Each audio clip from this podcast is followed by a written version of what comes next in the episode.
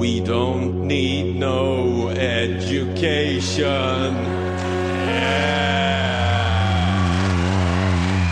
Hej och välkomna allihopa till Flumskolan. En folkbildande podcast som nu gör sitt andra avsnitt. Och det är Galag och Aftonbladet Kultur som gör den här podcasten tillsammans. Och vi spelar in den live här på Bibliotek Plattan på Kulturhuset. Inskriven och redo för uppror i dagens skola är Nanna Johansson, serieskapare, samt Ola Söderholm, komiker. Ja. Eh, samtalsledande examinator här på Flumskolan är som vanligt jag, Johannes Klenell. Idag ska vi prata om Ankdammen, en bok som gavs ut på Timbro 1988. Den är skriven av Missnöjespartiet Ny Demokratis grundare och Sveriges svar på Silvio Berlusconi, Ian Wachtmeister.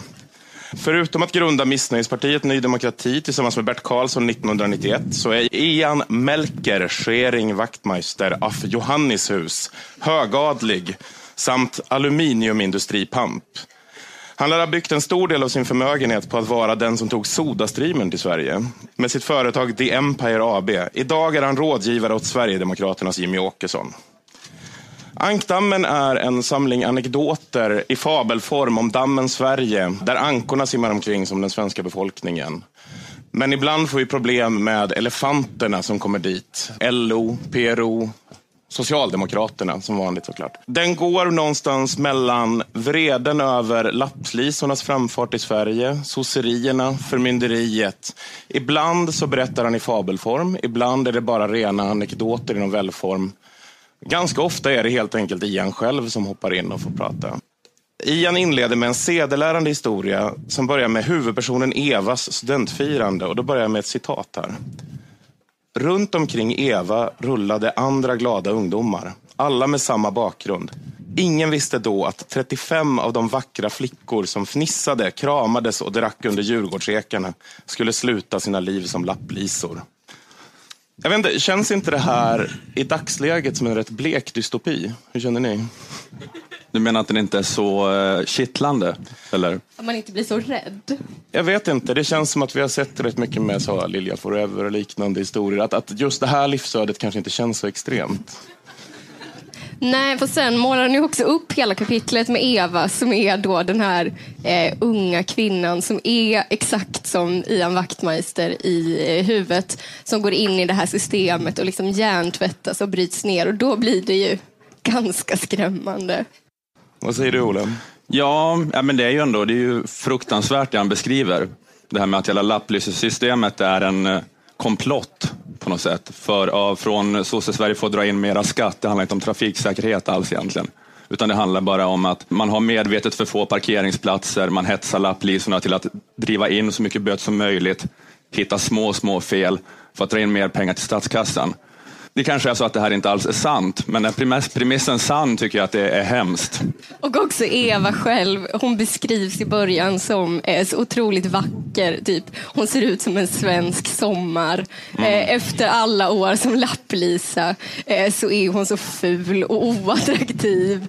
Eh, och det är sånt förfall. Ja, så man förstår också- att det, liksom, det har inte bara liksom sugit livsgnista nu, nu utan också liksom hennes ungdomliga eh, skönhet och oskuldsfullhet. Jag blev också ledsen av det. Hon var, hon var inte lika snygg när hon var 38 som när hon var 18. Slog igen fast.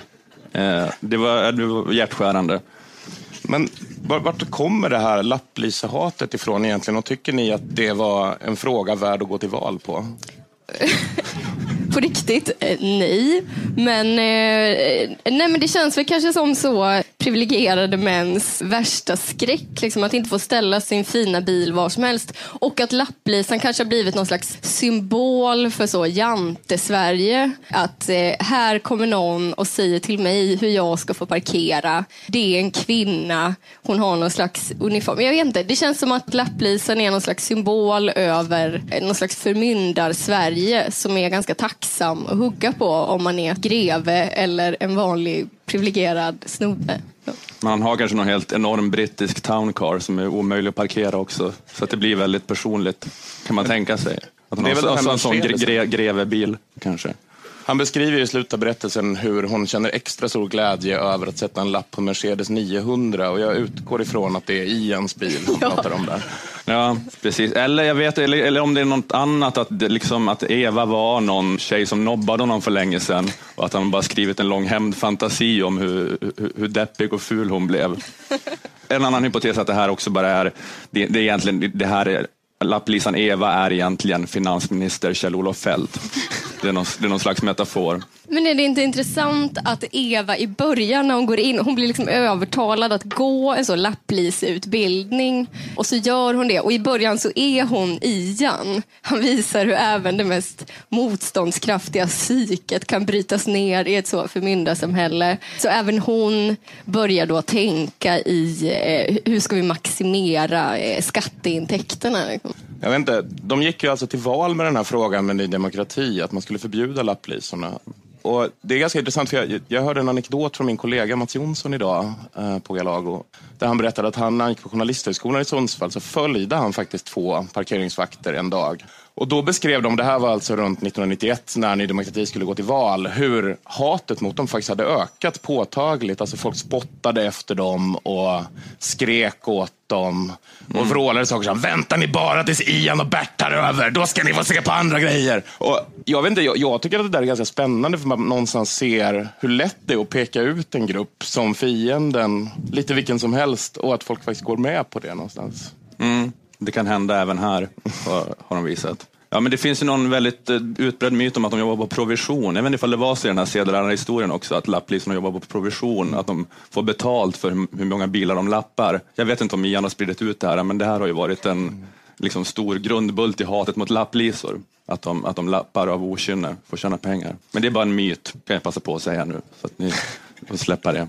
Ungefär två kapitel in i boken så ger Ian, likt Fredrik Reinfeldt gjorde i förra avsnittet, upp och börjar orera fritt ur eget tyckande. Jag tänkte ställa samma fråga som jag ställde då.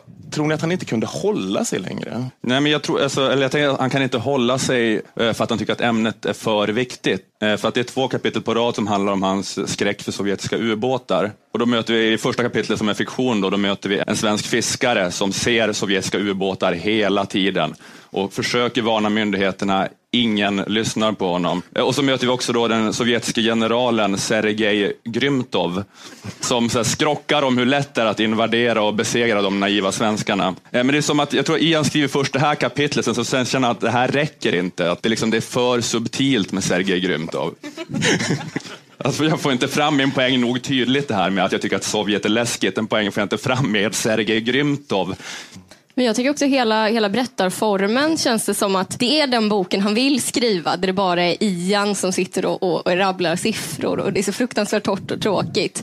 Men han tänker så här, för att det här ska gå hem i stugorna så måste jag liksom blanda upp den här medicinen med lite godis. Eh, och då skriver jag då om de här ankorna i en damm, kanske då om Eva också, att han, att han känner att han ändå måste anstränga sig lite för att göra det intressant. Men här och var så släpper ett kapitel igenom där det bara är eh, svintråkigt. Det var, det var verkligen fruktansvärt att läsa för det var så tråkigt. Men också där är han ju som en rättshaveristisk galning i det här andra Sovjetubåtskapitlet. där Han bara listar punkt för punkt för punkt olika indicier på sovjetiska ubåtskränkningar i svenska skärgården. Och framförallt galet idag då, för att man vet om att det var typ inget. Va? Eller det var den där äh, apraka kaptenen som gick på grund utanför Blekinge, var det väl 81 eller någonting. Men sen efter det var det en massa ubåtsparanoia och folk spanade hela tiden. Man hittade aldrig något. Men det var bara NATO-ubåtar som patrullerade där. Alltså han framstår som lite galen i det här kapitlet. Jag tänkte bara avsluta med hans slutkläm där, för den tycker jag är väldigt bra. Och det är skattebelastningen höjs. Den skatt som nu är höjd sedan den enligt löfte skulle sänkas ska nu sänkas igen. I varje fall under 55 procent av BNP. Men först ska vissa justeringar göras. Bland annat innebär dessa att det blir dyrare att bo för den bofasta skärgårdsbefolkningen. Ska vi se till att fältet blir fritt för sovjetiska flottan? Det var faktiskt en av mina favoritformuleringar i hela boken. Tycker ni att förberedelse för Sovjets invasion är en rimlig slutsats att dra av socialdemokratiskt skattetryck? Jag tror jag svarar nej på den frågan. Så, men, det, men det är lite märkligt det där, för att han, han har ju mycket sossekritik som går ut på att han tycker så illa om sossarna och att facket är för starkt och det höga skattetrycket och det förintar näringslivet. Och han har lite den här, som Fredrik Reinfeldt, det sovande folket-kritiken, att systemet förlamar människor. Det blir den här jantestämningen, att man får inte sticka ut, man får inte ta initiativ, man måste bara vara solidarisk och vara en ansiktslös person i kollektivet. Och all den kritiken är ju rimlig på något vis, alltså utifrån en person med hans politiska utgångspunkt. Men den här kritiken som återkommer hela tiden om hur mycket Socialdemokraterna älskar Sovjet, igen och igen och igen. Det är, det är, det är bara inte sant, Ian. Jag vet inte vad jag ska säga. Alltså, Socialdemokraterna var lika rädda för Sovjet som du var. Det har ju kommit fram att Sverige var neutrala då, men man samarbetar med NATO hela tiden. Så jag förstår inte var han har fått det här ifrån, sossarnas Sovjetkärlek. Vad säger du? Jag vet inte, men jag har, jag har kollat hans Twitter på sistone och då tänkte jag att nu, eh, nu har han väl ändå släppt det här med Ryssland och så, men nej det har han inte. Det är fortfarande kanske var tionde tweet som är eh, rysskräck eller något nytt rön. Men han, han är i alla fall eh, fortfarande väldigt, väldigt, väldigt rädd för ryssen. Och det är ju en stor del av den här boken är ju det. Den eh, rädslan som man faktiskt köper. Alltså man köper att Ian är på riktigt, riktigt livrädd. Du känner att det, det är en genuin skräck i alla fall? Ja, ja. Alltså, Jag tror inte det är en liksom, ideologisk pose eller någonting. Utan jag, jag tror han är fruktansvärt rädd. I kapitlet efter så kommer ju hans utförligare utläggning då om ankorna som lever i dammen som besöks av elefanterna. Och elefanterna i det här fallet då är ju fackförbunden, PRO, ja, arbetarrörelsen och framförallt då mastodonten som är som jag tolkade socialdemokratin. Tycker ni att det här är en fungerande liknelse med elefanterna som kväver ankorna? Men var inte mastodonten facket? Jaha. Eller har jag missförstått? Jag tror att vi, man, man kan tolka det lite olika. det. för jag tror Men du, man- följ gärna upp det där. Det jag mest reagerade på var att han har något om det här, den stora elefanten som bara kallas elefanten. Och, och det tänker jag liksom, eh, det borde ju vara Socialdemokraterna, de kallas bara partiet. Spännande, jag trodde det var samma sak. Ja, jag vet inte. Och de, man skriver om det, och den största elefanten, den kunde alla knep, den här då, socialdemokratelefanten. Ett läckert exempel är politik genom begravning i tv, skriver han. Och tv-sända begravning av Olof Palme, menar att det var ett PR-knep av Socialdemokraterna? Alltså det, jag tänker, han kan inte mena det för det är för sjukt, men jag kan inte förstå vad annars för tv-sänd begravning han syftar på. Tage Danielsson. 1988. Var det en socialdemokratisk begravning? Uppenbarligen. Det är den Okej. enda jag kan komma ihåg från den tiden. Oavsett vad, är det Tage Danielsson är det fortfarande ganska provocerande. Är det Olof Palme är det ju extremt modig satir, får man säga i alla fall. Han är inte feg när han, han svingar om det. Hur kunde de sända den här begravningen? Men det var också någon, jag har gjort en anteckning här, att eh, han har gjort någon beskrivning av deras, den stora elefanten, då, Socialdemokraterna. Sen beskriver han att de tre små elefanterna hoppar i dammen, för de vill visa att de ska ha makten igen. De har haft det en gång förut. Och då tänker jag att de är tre, det måste ju vara de tre borgerliga partierna då, som hade makten några år innan Centern, Folkpartiet och Moderaterna. Och eh, då beskriver han samspelet mellan då den stora elefanten Socialdemokraterna och de tre små borgerliga elefanterna. Han skriver så här att elefanterna talade för ankorna, alltså medborgarna. Och det elefanterna sa kunde ankorna se, höra och läsa. Det fanns nämligen radio, tv och tidningar i ankdammen. Och överallt kunde man höra och läsa samma sak. Alla berättade vad elefanterna tyckte. Alla hade samma nyheter, så nog var det sant. Elefanterna tyckte de hade en bra ankdamm. Och demokratiskt dessutom eftersom elefanterna talade med varandra. Och han, skriver det med någon slags drypande sarkasm, men jag bara, vad, vad är det han försöker leda i bevis med det här? Alltså det han egentligen beskriver är att i det här landet, där finns det en regering och en opposition. Det är det som är den stora poängen. Det finns fler olika partier som debatterar med varandra. Den debatten förmedlas i media. Fy fan. liksom, jävla ankdamm. Jag förstår liksom vad, vad är han vill istället. Eller man kan ju så att säga, kritisera kanske den parlamentariska demokratin då, att den inte är nog demokratisk. Men Ian känns ju inte som syndikalisttypen. Heller riktigt. Så jag förstår inte riktigt vad han är ute efter. Han beskriver någon slags parlamentarisk demokrati med sarkastisk ton. Vad säger du Nanna? Vad var grundfrågan? Om det är en bra liknelse att jämföra de stora rörelserna med elefanter som kväver ankorna i dammen. Jag vet inte. Jag tänkte inte så mycket på det. Jag satt absolut inte och gjorde någon sån där analys. Jag är imponerad av, eh, av dig. Men jag, jag tror inte jag har något bra svar på det. Mm. Då hoppar vi raskt vidare till nästa fråga som Ian tycker är akut viktig. Och det är att han ägnar ett helt kapitel åt sitt förakt för att folk har börjat dricka vin istället för brännvin. Han inleder med citat. Min far lärde mig dricka brännvin. Mina bröder är de enda jag kan lita på att få brännvin av idag. Jag har fem bröder så jag ska inte klaga. Men vad händer med resten av svenska folket? Och då måste jag ändå ställa frågan, är det här verkligen ett akut samhällsproblem? Ja, eller det känns som att Ian gräver mycket där han står.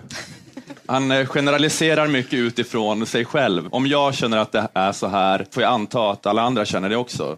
Och jag att det är kanske, eller det är mera, när det gäller det här att det är störigt med lapplisor, där kanske han har lite fler folk med sig, känner jag. Att det är så här, där, där, där hänger de på. Men det här med brännvinskulturen är hotad på grund av att vinkulturen tar över. Liksom, för det är det som är spaningen, man får inte ta, man får inte ta en snaps längre eh, på grund av att då kommer en vindrickare och tittar snett på en. Det är det, det, är det, det, är det liksom han har känt. Eller jag känner att han, han, han har inte riktigt eh, pulsen på Sverige där kanske. I och med den här spaningen så känner jag att han inte riktigt kokar buljong på svenska folksjälen. Nej, det är också ett ganska konstigt försök att eh, göra narr av eh, vindrickare då. Där sitter de och eh, vad är det han skriver och sörplar och eh, luktar och det, jag vet inte, det blir inte riktigt bra. Man känner inte riktigt det föraktet för vindrickare.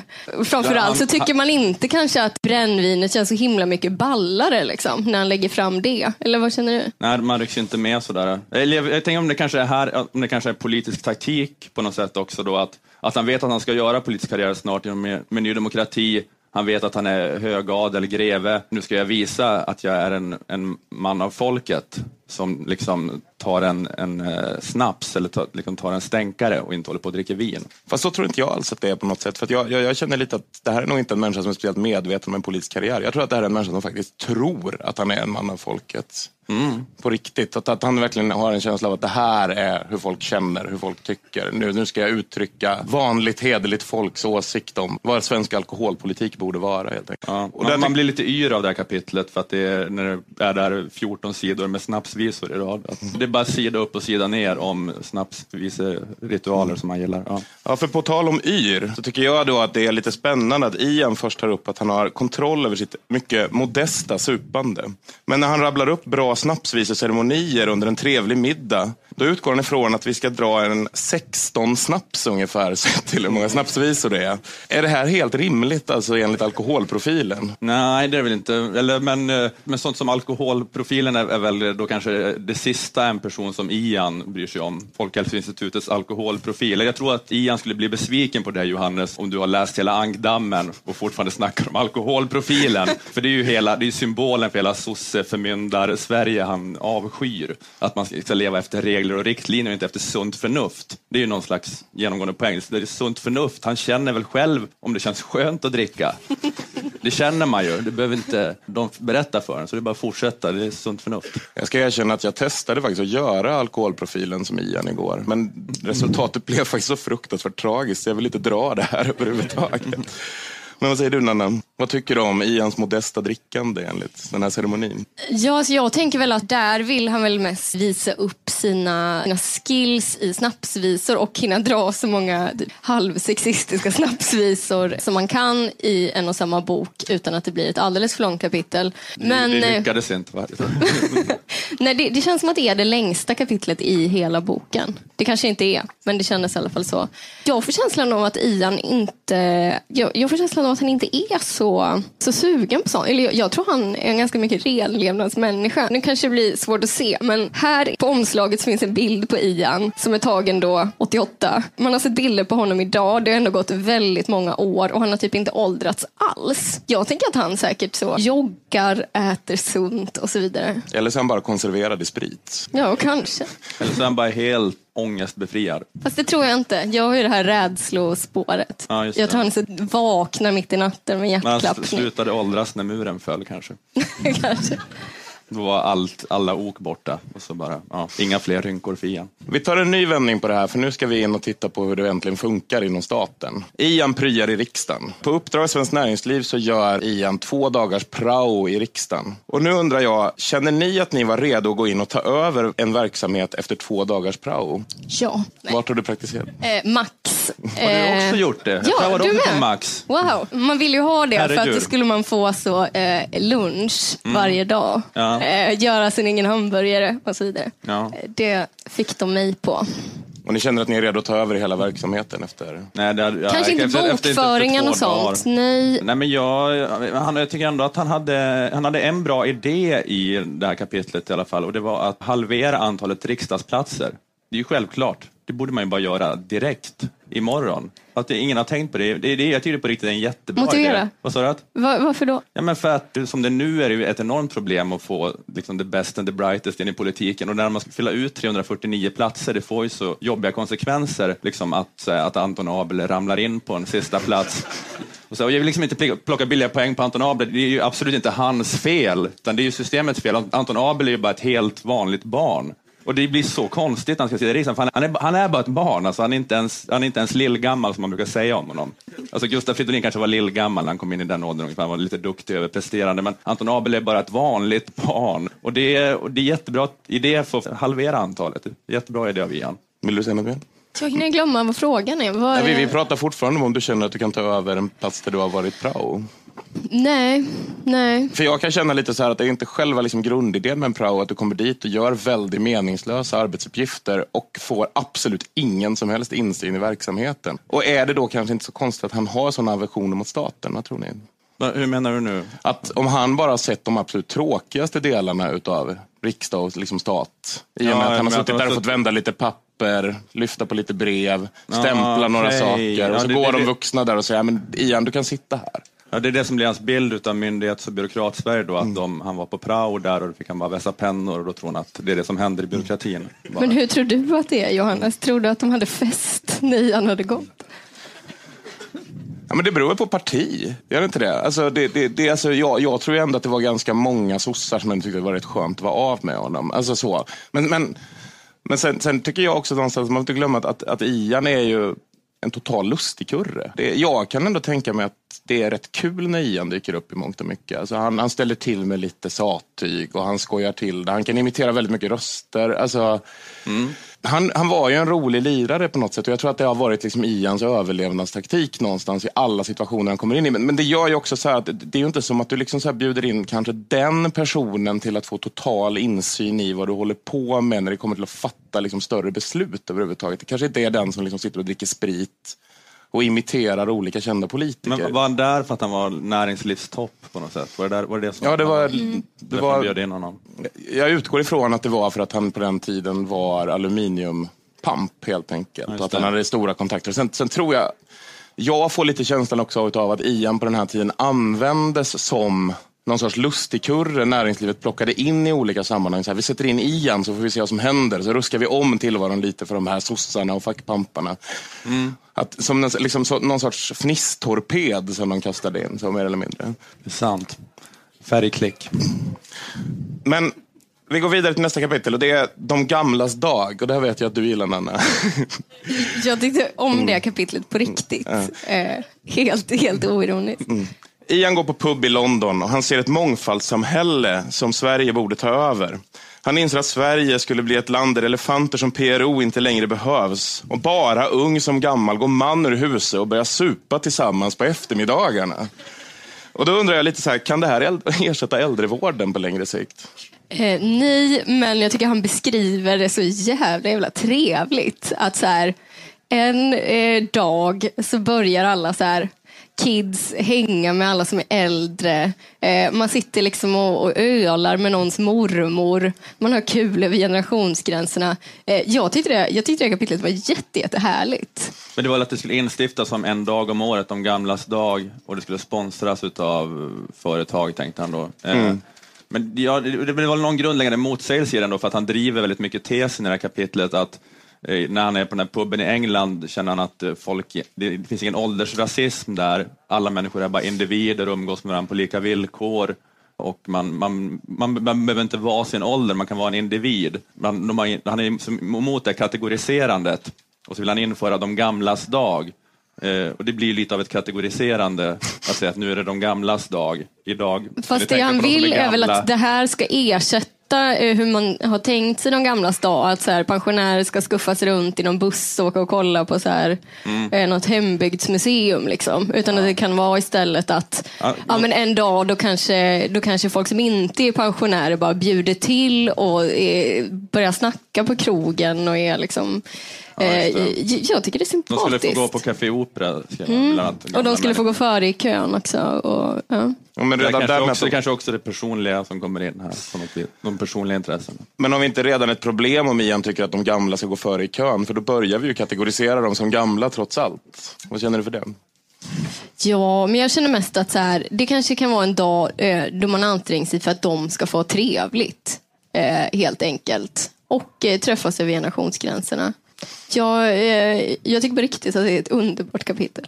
Alltså, jag, jag tyckte väl att det var ett ganska levnadsglatt kapitel. Jag, jag hade bara lite svårt att koppla hur han tyckte att det här att näringslivet skulle sköta det här, skulle ersätta liksom PRO, att näringslivet en dag om året bjuder till lite. Och, och sen- sen- skriver han att han tycker att det ska ersätta... Ja, han gillar ju inte PRO överhuvudtaget och liksom de här stela korridorerna där. där. Och, och det kan man ju hålla med om någonstans. Här, att, att det är väl alltså så att, att man slussas, slussas runt i sterila korridorer och allt ska vara lättstädat och lättorganiserat hela tiden. Jag, jag kan absolut skriva under på de bitarna men jag, jag, jag kan också känna någonstans att, att, att jag vet inte riktigt om jag känner att det är liksom en dags näringslivsjippo och ballonger som ersätter liksom hela den biten. Så, liksom, jag tror inte att det, det på liksom, längre sikt kanske är så att så mycket unga människor kanske dyker upp, eller om några människor alls dyker upp i slutändan, just när det blir något sorts här, kommersiellt jippo. Att det kanske är lite större samhällsomvälvande frågor här, än att vi har en fest en gång om året. Jag vet inte. Man kan ha både och. Absolut. Ian Wachtmeister drar en anekdot efter det när han träffar LO-chefen Stig Malm på krogen. Utifrån det samhället så räknar han ut hur relationen mellan SAF och LO fungerar. Och det enligt honom då är det att Stig Malm säger då enligt det här kapitlet att, att du ska inte säga samma saker åt två håll. Det finns någon sorts förljugenhet som han ser där. Men jag måste ändå börja med att fråga, drar inte Ian extremt mycket slutsatser i den här boken utifrån saker han har sett eller gjort på krogen? Ja, det gör han. Men, eh, men det, är väl, det är väl i linje med hans ideologi som sagt, att han, han tror inte på forskning, kommer vi fram till lite senare också, och att han, han tror ju bara på den här intuitiva känslan, sunt förnuft, man får bara reagera. Han ser omedelbart om något är rätt eller fel. Tror jag. Och man kan, men, men SAF, det är, det, visst är det, det är Svenska Arbetsgivareföreningen, det som är svenskt näringsliv idag. Mm. Eh, Men jag tyckte att det var ganska, eh, om jag säger en annan grej om det här, jag tyckte att det var ganska intressant, för att det handlar om att han pratar med de här fackpamparna då, och att de har en helt annan dialog i media, att då skriker de på varandra, facket och, och näringslivet, sen, men sen så är de bra kompisar när de, kommer, när de eh, förhandlar med varandra.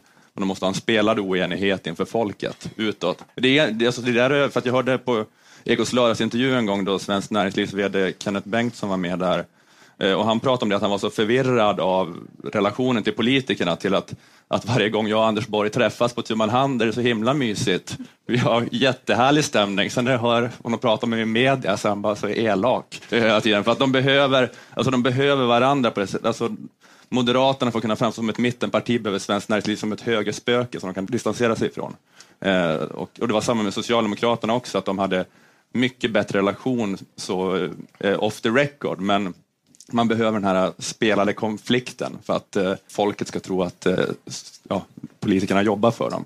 Alltså jag det, var, det är ändå en ganska intressant grej som jag har hört, på, eh, hört eh, från andra källor än Ian Wachtmeisters krogbesök. Vad säger du Nanne?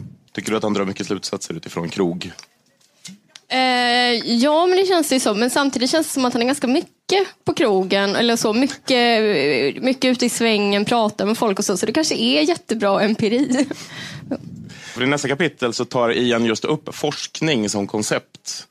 Och han hävdar då bestämt att forskning det är egentligen bara dold åsiktsregistrering från staten. Kan man finna en förklaring här till varför han bygger sin empiri efter saker han har hört efter 16 jamare på krogen?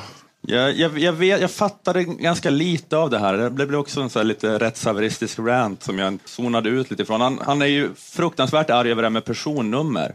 Att det finns personnummer. Och han säger att det bara finns i Sverige, så är det väl inte, eller? Men, Så de har väl social security numbers i England vad jag Okej. vet. Det mm, ja, men det han, pra, han är ju han är skeptisk till hela medborgarskapet. Han tycker att det är något fel med att vara medborgare. Eh, för jag antecknade att han skrev här att eh, han, han ställer med att vara medborgare mot att vara kund. Att vara kund är något mycket finare än att vara medborgare, säger han. Eh, det är skillnad på att vara kund och medborgare. Kunden kommer alltid först. Medborgaren kommer alltid sist. En kund utnyttjar näringslivets tjänster, en medborgare utnyttjar samhällets tjänster och uppfyller samhällets alla krav. Eh, men jag känner att det här på något vis, det är nog någon slags eh, nyckel kanske till hans politiska ideologi här, att han ser sig med då, han ser på medborgarna som kunder, att han är hans populism, för det är ju hans ideologi kan man säga, att man ska bara ge dem vad de vill ha. Och här kan man säga att han är lite av en visionär om man ser hur politiken har varit i Per Schlingmann-eran, att man pratar om den postpolitiska eran, att man att man, folk bara, man ser eh, de som ska rösta som kunder och de ska rösta utifrån sin egen plånbok. Typ. Man ska bara se till vad det är man vill ha själv.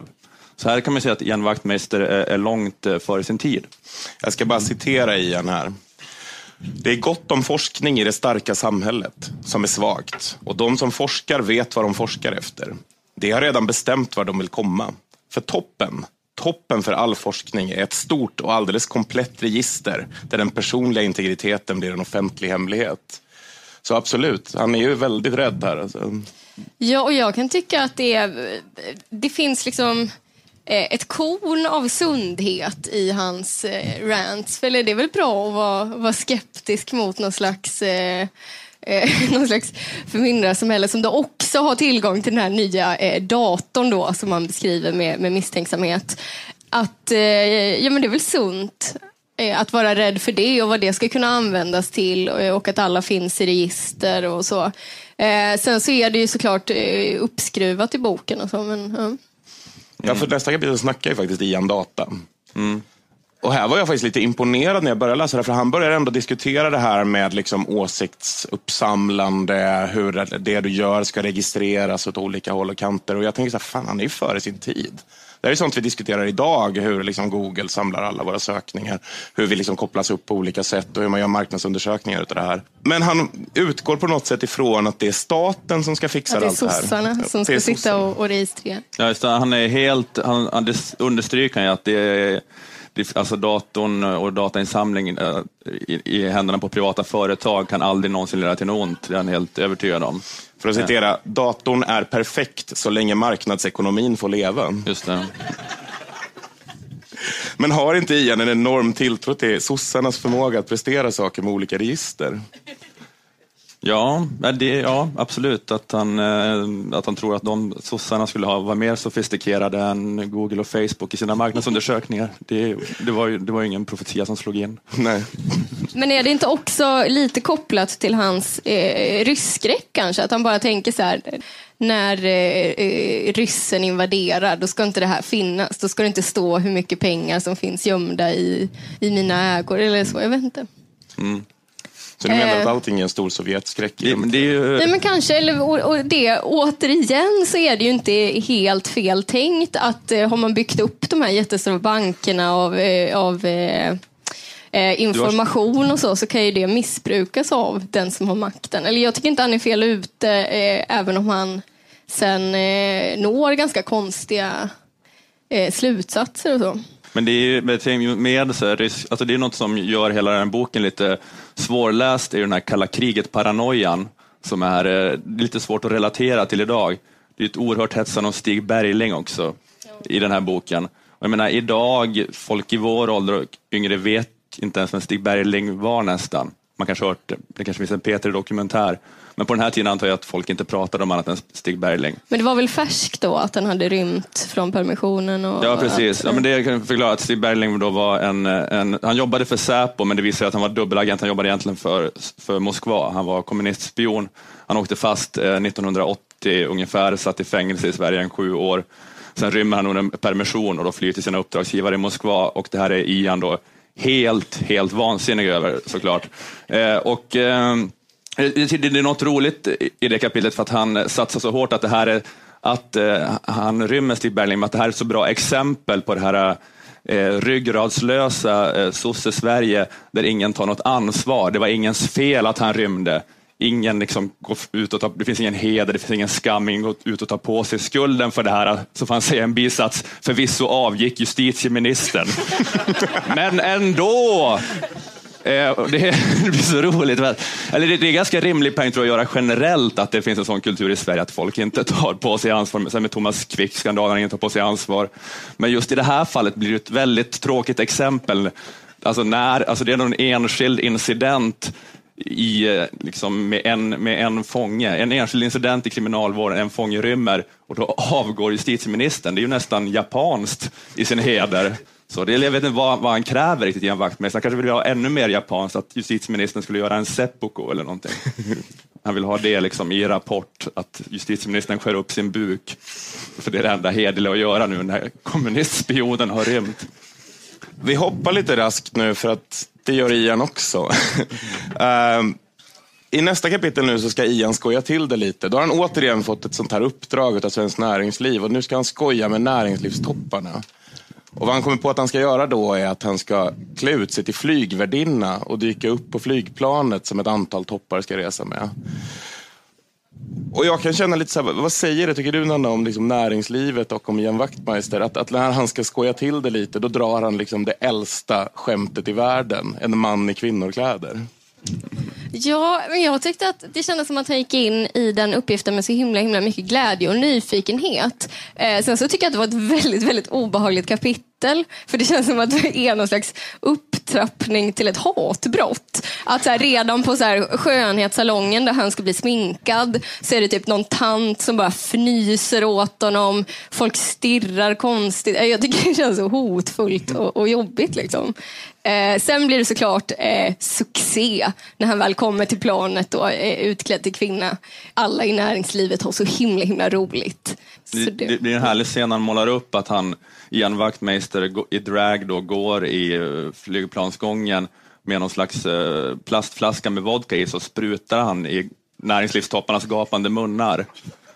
Och Ian tycker att det är så synd att ingen filmar det här för att han tror att det hade varit en sån PR-succé och man fick se hur sköna och avslappnade näringslivstopparna var. Och jag känner att det hade nog inte alls varit en PR-succé. De hade kanske inte alls sett ut som, som eh, sköna snubbar. Jag tycker också det var roligt att spriten kommer in igen. Att han hela tiden måste markera med lite brännvin vad det är som är på gång och att nu är det fest och kul. Men, men det jag tänkte just med i de här kapitlen också var att i nästa kapitel så, så tar han upp hur han för hans mässingsföretag startades av Karl den nionde. Och då berättar han hur han har stått i ett skyltfönster utklädd till Karl den nionde vid ett flertal tillfällen i flera dagar.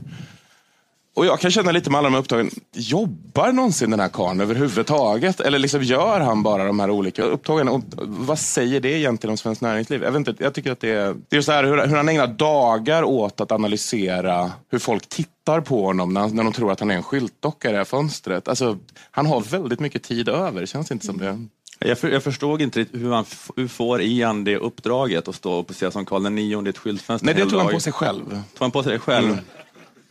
Bara i ett, eller var det, liksom, det var det någon, hur var det, var det någon kompis som ägde varuhuset eller något sånt där? Eller? Nej, det var alltså så här att han äger ett mässingsföretag i Oxelösund. Någonting som dyker upp väldigt ofta han i boken. Han gör skamlös reklam för sitt eget företag eh, och dess produkter mm. i flera gånger i boken. Mm. och det här det mässingsföretaget grundades av Karl nionde. Så Ian tyckte att bra PR var att han ställde sig i SE-bankens skyltfönster utklädd till Karl nionde i flera dagar.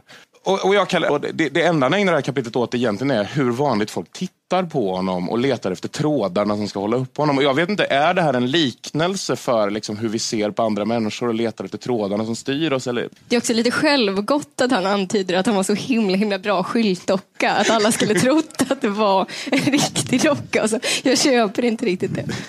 Vi, vi börjar närma oss eh, slutet på boken och här dyker ju en karaktär upp som återkommer i några kapitel och det är Hilding Svensson. Som representerar vanligt hederligt folk enligt Ian. Känner ni att Hilding är speciellt sympatisk? Vad säger du då? Alltså jag tyckte bara att Hilding kändes eh, som ett recap av hela boken jag har läst. Alltså att, att Ian tar exakt alla åsikter han redan dragit igenom och bara placerar dem i en arbetare istället för en greve. Och låter då eh, Hilding eh, sitta och supa i sin lägenhet och sen eh, dra ut på stan och se världen som, som Ian ser den. Liksom. Mm. Så jag, jag, tyckte inte det var så mycket variation där. Det hade nästan lika gärna kunnat bara varit Ian som satt och skrev eh, om sig själv. Han går ju också ut lite grann som en, någon slags Batman i den här dystopin Hilding då och mm. Eh, stoppar liksom några ungdomar som klottrar för ingen annan vågar göra det. Han sprayar 13-åringar i ansiktet. eh, ja, precis. För att, Ja, men för att det är det här ryggradslösa Sverige där ingen ingriper, men Hilding får eget medvetande på något sätt och går ut och gör det då. Och det bara råkar vara så här, sju ungdomar som trakasserar en 75-årig tant eh, just den dagen. Eh, så Hilding får säga sluta med det där. Eh, och det gör de då för att Hilding har, han har liksom funnit någonting i sig själv som är, jag vet inte, sunt förnuft. Men det är ju det är återigen det att han, han gräver så mycket där han står. Alltså, för de här kapitlen om Hilding är ju väldigt eh, tråkiga att läsa. Eh, och, och det är ju att alltså Ian, eh, Hilding är ju Ian, eh, men det som gör det ännu tråkigare är att de andra två karaktärerna som dyker upp också är Ian. Alltså Hilding går runt och så här har en in, liksom inre monolog om eh, att vad sjukt det är att det finns fackföreningar. Och sen så träffar han den här eh, för, unga företagaren, Finansvalpen. fi- finansvalpen på, vad heter han för något? Han heter Hudding eller något. Hidding. Eh, och, eh, och, och så pratar de, vad sjukt att det finns fackföreningar, ja vad sjukt att det finns fackföreningar. Och sen så träffar de en till som heter Bengtsson. Och så pratar, han börjar också prata om hur sjukt det är att det finns fackföreningar och socialdemokrater. Så det är som att alltså, alla karaktärer blir ett språkrör för Ian Wachtmeisters inre monolog och det blir väldigt odynamiskt på något sätt. Det, det, det blir lite tråkigt att läsa.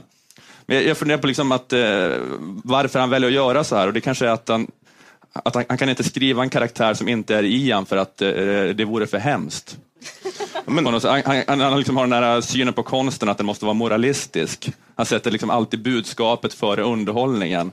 Och tanken då på att skriva en karaktär som är omoralisk, alltså enligt hans perspektiv, inte som Ian, det är, det är för farligt på något sätt. Så då får underhållningen stryka på foten för att det bara ska vara rätt åsikter hela tiden. Men hur verkar Hilding må då? Vad säger du Nanna? Ja, men eh, i början så mår han ju lite dåligt. Han sitter hemma, han känner så här, åh det är, något, det är något fel på samhället och så. Sen så när han har fått eh, några glas under västen så går han ut på stan och liksom tar saken i sina egna händer, träffar likasinnade. Eh, då börjar han ju må bättre. Då börjar han ju känna att han är någon slags god medborgare och sen så eh, det lyckliga slutet är väl att han går hem då efter en sån natt då han har öppnat ögonen då och inte längre bara sväljer sossarnas lögner. Liksom. Men det kanske det är något sånt eh, att, att man alla sitter ensamma i sina funkislägenheter i sosse-Sverige och tror att det bara är så här. Men går man ut och pratar med folk får man reda på att alla hatar det här egentligen. Att det kanske är det att man måste, gå ut, man måste bryta mönstret, bryta den här sosse-monotonin och gå ut och leva lite grann. För då märker man att exakt alla tänker som Ian Wachtmeister. Det här att Hilding vill starta ett fackförbund för de som inte vill vara med i facket. Känns inte det en smula omständigt tycker ni? Jo, Det var ganska tråkiga replikväxlingar där eh, som ledde fram. Jag, jag måste säga att jag lite nickade till under just det stycket. Men eh, jo, det, jo, det känns omständigt. För jag kan inte riktigt greppa hur han då menar att det facket, för de börjar också prata om hur det facket skulle få rätt mycket makt och inflytande. Och alltså, Och vet, försörja, just det, och försörja dem när de blir gamla. Att som någon sorts de- pyramidspel. Ja, det var jättekonstigt. Och då känner jag lite så här, är det här mötet som uppstår och den här diskussionen som uppstår, är det någon sorts återgivning av hur Ny Demokrati kan ha uppstått? Ja, du menar att det, Ny Demokrati är fackföreningen för de som inte vill vara med i facket? Ja. ja jag, jag, jag har inte tänkt på det. Det är en intressant eh, tanke. Men det känns det, är- det är lite omständigt att han avskyr det här systemet och vill riva det, men sen hans bästa idé är att bygga upp det igen. Då man bara börjar om. Men jag blir också fascinerad av den här verklighetsbilden, återigen till det här som du tar upp Nanna med att han är så rädd. Jag tänker på liksom vad han tänker direkt när han ser prostituerade till exempel, det här sexköpet. Vad är det som händer då? Det... Ja, han ser då eh, eh, torskar och eh, prostituerade på en gata och hans enda kommentar till det är eh, aids. Och så går han vidare och så är det inget mer. Liksom. Och här känner jag ändå så här, för att det där kommer också någon sorts människosyn in som jag tycker var lite problematiskt. Eller det, det är egentligen också första gången som någonting antyds av det som vi idag kommer ihåg Ny Demokrati med först, mest av allt. Och det är att Ian svänger sig väldigt bekvämt med ordet svartskalle i det här kapitlet. Och det känner jag ändå att vi måste på något sätt så. Hur, hur kände ni inför det? Alltså, Det är, en grej jag tänker på är att han ju konsekvent genom hela boken inte klarar av att skriva ut svordomar. Han skriver, allt, han skriver inte jävligt, han skriver DJ-T. Han klagar också mycket på svordomar. Ja, precis. Eh, och han, vid ett tillfälle så klarar han inte av att skriva ut förbannaden, så han skriver ut förb-d.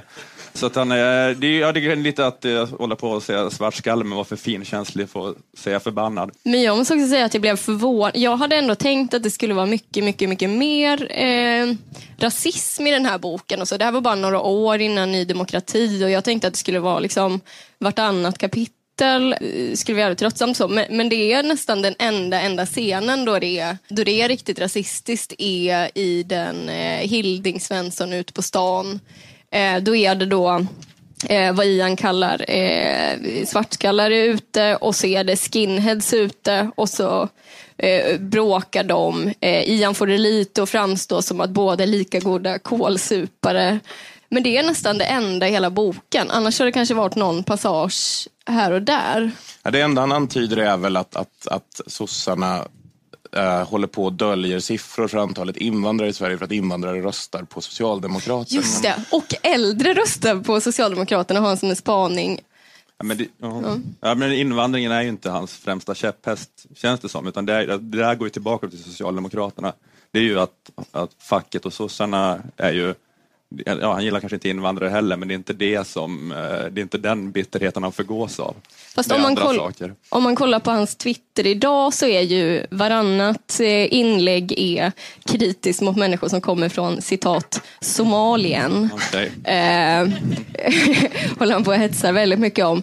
Så nu, det känns ju som att hans rasism, om vi säger att här kanske den låg på Mm, 10 av 100 så har den liksom bara brakat iväg. Och det, det förvånade mig faktiskt, för jag tänkte att det skulle vara mycket, mycket mer, kanske ännu mer under den tiden då jag var väldigt liten då, men jag inbillar mig att det var, det var liksom lättare att vara att vara eh, riktigt jävla dum, eh, rasistisk då liksom. Men han, eh, den, är inte, den är inte jätterasistisk på ett sätt som man hade förväntat sig. Nej. Men för att sammanfatta nu då, nu har vi kommit igenom hela boken. Känner ni att ni har fått en klarare bild av Ian Wachtmeister utav det här? Eh, jag- känner att jag har fått en eh, mer komplex bild av Ian Wachtmeister. Eh, jag har nog bara alltid sett honom som en pajas. Och nu känner jag ändå att han är liksom en, en pajas som är mm, genuint rädd, som vi var inne på tidigare. Att, att det finns verkligen starka och, och äkta känslor där. Och att, eh, jag vet inte, jag, jag tänker att han kanske inte är så att han kanske är mer liksom rädd än ond. Eh, ja. Vad säger du Ola? Eh, ja, nej men han, är ju, han känns ju som en... Eh, alltså att han, han är en speciell person, att han är den där eh, överklasssprätten på något sätt, som är väldigt ovanlig i Sverige. Men, jag- eller det är ungefär den bilden jag har haft, men eh, han, han gillar sunt förnuft, eh, han eh, hatar sosse-Sverige. Eh, Jag vet inte, jag, jag, klarare och klarare. Det, man blir ju lite yr av att läsa boken också, så att, den är inte helt kristallklar, men ja. Ja, det, det, var, det var länge sedan jag läste så mycket om Ian Wachtmeister i och för sig. Känns han som en rimlig rådgivare åt Jimmy Åkesson då? Nej, det är det, eller han känns ju väldigt liksom olika på något sätt, tycker jag. Eller väldigt, alltså, jag måste ju säga att jag föredrar ju eh, liksom, den, jag föredrar den här, eh, Ians främlingsfientlighet föredrar jag ju verkligen framför till exempel Jimmie Åkessons och Björn Söders. Det är ju mer främlingsfientlighet med ett glatt humör på något sätt. Med... Eh, Vilken obehaglig formulering. Ja, men jag tror, det, det, ja, men han, han har ett glatt humör. Alltså, det är klart att han också så här, avskyr vad kulturmarxisterna har gjort med det här landet, men han låter inte den bitterheten ta över den, honom helt fullständigt för det. Så här. Alltså, jag, jag, tror liksom att det, jag tror att det är en ganska, jag menar, vem, om man skulle ha en festkväll med någon, skulle, med Ian Wachtmeister eller med Jimmy Åkesson och Björn Söder, så är Ian mycket, mycket härligare tror jag. Det är ju... Jag tror han är underbar. Jag tror också det är ett par rasistiska och sexis- sexistiska kommentarer får man stå ut med, men annars är det som en bra hålligång. Och han kan hundra snapsvisor. Han, han gillar att spexa, klä ut sig i kvinnokläder och har massa härliga gentlemannamanér förmodligen. Kan alla Jättemycket historier. Ja, precis. Kan sällskapsdanser och sådär. Men man tänker en festkväll med Jimmy Åkesson och Björn Söder, det är nog bara ett enda mörker alltså. För att de är, så, liksom, de är så bittra och sammanbitna och hatiska. Och häller man sprit på det tror jag det blir helt fruktansvärt. att det kommer bara... Jag menar, tänk som en snefull Björn Söder. Det är ju det är som den här läskiga killen i This is England, när han kommer ut från fängelset igen och bara sänker temperaturen i rummet. Så det känns som att det kommer ju bara sluta med att Björn Söder skallar en den kvällen. Men jag tror Ian skulle aldrig skalla en. Om man, om, om man, om man skulle bli osams med Ian, då skulle man förmodligen ut på gården och fäktas. eh, och, och, det kan, och jag, tror, och det skulle, jag tror inte han skulle döda en heller, utan han skulle fäkta ner den, fäkta bort den, sen skulle han typ kanske hålla sin värja under ens haka och sen skulle han skona en. För att, för att det är en sån snubbe han är. Ja, men du vet, han vill inte ha massa blod, damerna tycker det är obehagligt och så. Så ja, mycket härligare äh, främlingsfientlig profil än de vi har idag. Säger vi att rasismen var bättre förr? ja, det var mer, ja, det var mer glatt humör. Men, alltså, när, när man, man kan väl ha lite glimt i det ögat, även om man är rasist. jag, vet inte, jag, jag fick höra en anekdot medan jag läste den här på min mamma. Uh, för att min morbror gick på Lundsberg och det har Ian också gjort, vilket han har tagit upp. Min morbror kom från en så vad ska man säga, nyförmögen gammal fattig familj och mormor och morfar bestämde sig för att vi sätter honom på Lundsberg för det ska man göra om man har lite pengar. Vilket var ett stort, stort misstag. Och tydligen var, fanns det två överlevnadsstrategier på Lundsberg. Det ena var att spela efter reglerna, det andra var att vara en pajas. Och den som beskyddade min morbror tills han slutade, det vill säga, det var Ian Wachtmeister. Som var en annan pajas på den här skolan, som överlevde genom hela sin skolgång på det som jag har förstått det. Han var en äldre pajas? Han var en äldre så pajas. Han var liksom en fadderpajas ja. till lilla pajasen. Ja. Fint. Och att jag ändå kan tycka att det är lite intressant, för man får en känsla, jag har fått en känsla av att det, det är så Ian på något sätt har överlevt hela tiden. Att det är liksom, han har humorn, han jobbar inte så himla mycket. Han gör inte så mycket, han tycker att han har rätt i det mesta, men, men egentligen så är det mest så att han skämtar bort saker. Han har ganska knäppa åsikter. Men, men då antar jag att det är så här högersatiren utvecklas på något sätt. Det är liksom genom ren rädsla. Uh, är det här exempel på högersatir? För det pratar man ju ofta om, så här, var är högersatiren någonstans? Ja, men det känns det väl absolut som att det är. Eh, och eh, ja, men ganska, inte så jättedålig eh, högersatir heller tycker jag. Eller jag har i alla fall sett mycket, mycket sämre vänstersatir då, inom eh, paraplyfacket gubbsatir då. Så tycker jag, jag, jag tycker inte alls det är eh, så uselt som det skulle kunna vara. Vad säger du Ola? Jag tycker också ha sina stunder. Vissa då lite tradiga kapitel då han blir för moralistisk, men uh, det har sina stunder. Jag ger en två av fem. Skrattar Oj. ni någon gång? Mm, mm, jag vet inte. Nej. Fast jag, jag skrattar nästan inte alls åt satir. Oavsett politisk bakgrund. Men vad har ni då lärt er av att läsa den här boken? Jag har lärt mig eh, lite eh, obskyra namn på, på gamla politiker. Eh, men, det, nej, men jag har nog inte lärt mig så mycket alls. Eh, förutom det, lite mer om tiden eh, då jag var två år. Eh, som jag inte har liksom, fått naturligt. Vad säger du Ola? Nej, men jag, det, jag tycker det är ändå lite intressant bara eh, att läsa från den här tiden för att man är för ung för det, men att det, det var inte så länge sedan, men det, det är en väldigt annorlunda stämning med den här äh, kalla kriget-paranoian och den sosse-dominansen i samhället då, som gjorde samhället väldigt eh, uppdelat. Att de som var en del utav det och gillade det och, de här då som verkligen hatade det. Att man förstår, idag är bara Socialdemokraterna, ja det är väl ett av de där partierna som man skiter i, men att det var, det var en sån symbol för Eh, Eh, det väckte så starka känslor på något sätt. Det jag känner att jag lärde mig på att läsa den här boken är ändå en känsla av att Alltså för, för ofta så tycker jag att man gör en jämförelse med Ny Demokrati och Sverigedemokraterna. Och att det jag känner när jag ser den är att jag ser ändå att, att, att, att Ny Demokrati och SD är ändå väldigt olika partier i grunden. Att, att där Sverigedemokraterna i grunden är ett sorts, alltså de är i grund och botten, primärfrågan är främlingsfientlighet. Så är snarare Ny Demokrati uppbyggt på någon sorts byfåneentreprenörer som egentligen inte hade en första fråga och därför råkade främlingsfientligheten som var sekundärfrågan bli primärfrågan, vilket också kan förklara varför de föll i bitar. Det andra jag tänkte på när jag läste den var att det var lite så här högerpopulism, högerpopulism, det slutar alltid ändå i samma så främlingsfientliga dynghög. Med de orden så tackar jag för ikväll.